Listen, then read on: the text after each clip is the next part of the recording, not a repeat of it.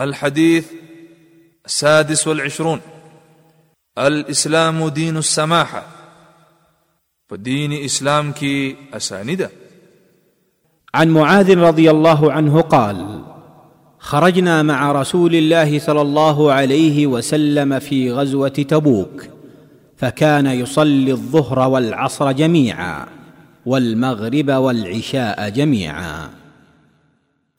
د معاذ ابن جبل رضی الله عنه څخه روایت دی فرمای مونږ د نبی کریم صلی الله علیه وسلم سره د تبوک غزا ته لاړو نو نبی کریم صلی الله علیه وسلم به د ماسپښین او مازدیګر لمنځونه یو ځای کول او همدارنګه به د ماښام او ماخوستن لمنځونه یو ځای کول دا حدیث امام مسلم په خپل صحیح کې ذکر کړی دی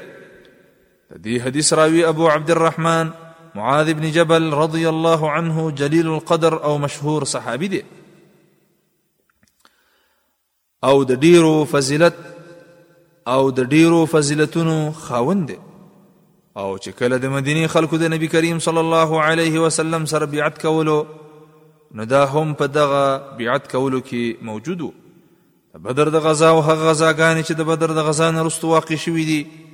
په هغه ټولو کې د نبی کریم صلی الله علیه وسلم سره شریک شوی دی اتلس کلن و چې په دین اسلام مشرف شو د حلال او حرام په مسایلو ډیر پوه او د حدیث په کتابونو کې د نه یو سلو او یو سل او اووه پنځوس احادیث نقل دي یمن ته نبی کریم صلی الله علیه وسلم د والی په حیثیت لګلیو د نبی کریم صلی الله علیه وسلم د وفات نه وروسته بیرته مدینه ته راغی او بیا وروسته شام ته لاړو او هلته په کال اتلس یا ولس هجری کې د طاعون په مرض بیمار او وفات شو او عمر څلور دېرش کاله و من فوائد هذا الحديث د دې حدیث د فوائد څخه اول دې حدیث نه دا معلومیږي چې د ماسپخین او مازیګر لمن او همدا رنګ د ماخام او ماخستن لمنځونه یو ځای په جمع کول جائز دي دوهم په دین اسلام کې اساني ده او د خلکو نه تکلیف او سختی لري کوي د دې د وجنه په دین اسلام کې دوه لمنځونه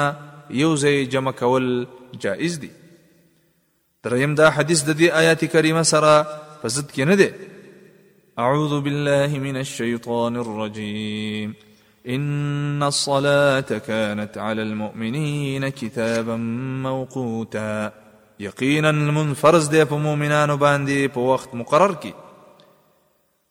ځکه چې د دې حدیث نه د ضرورت په وخت د دوه لمونځونو یې ځای کول ثابتېږي او چې ضرورت نه وي نو هر لمونځ په خپل وخت کې ادا کول فرض دي